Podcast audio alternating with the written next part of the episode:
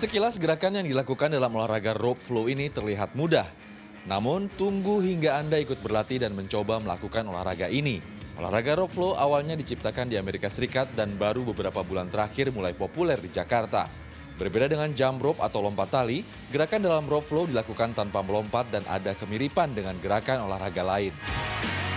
Gerakan-gerakan dalam rope flow ini sebenarnya ada polanya nggak sih? Ada, jadi gerakan itu mengalir dan diambil dari semua gerakan olahraga. Contohnya si underhand, dia sama aja kayak gerakan golf. Ada lagi gerakan namanya matador's wheel, dia sama aja kayak badminton. Nonton gitu ya. Atau uppercut.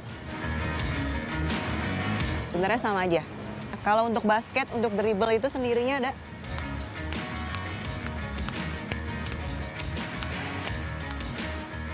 Kalau sudah mahir, gerakan dalam rope flow dapat dikombinasikan.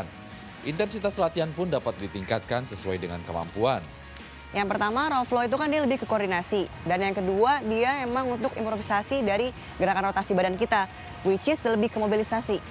Supaya badannya yang tadinya kaku, jadinya bisa bergerak lagi. Yang tadinya udah lama nggak olahraga, setelah main raw flow, akhirnya badannya udah mulai bisa gerak lagi, mulai bisa aktivitas lagi. Dan karena dia juga sebenarnya low impact banget dan bagus banget buat orang dari kecil sampai juga orang tua.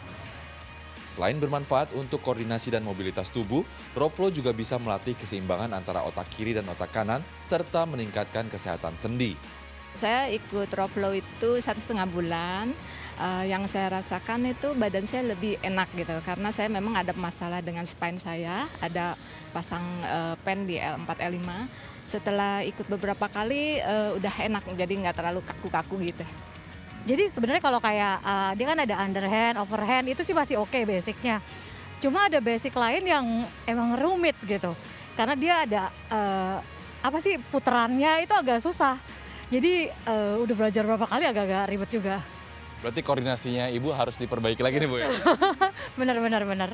Uh, sedikit susah tapi itu kalau udah lama itu jadi gampang. Gampang ya?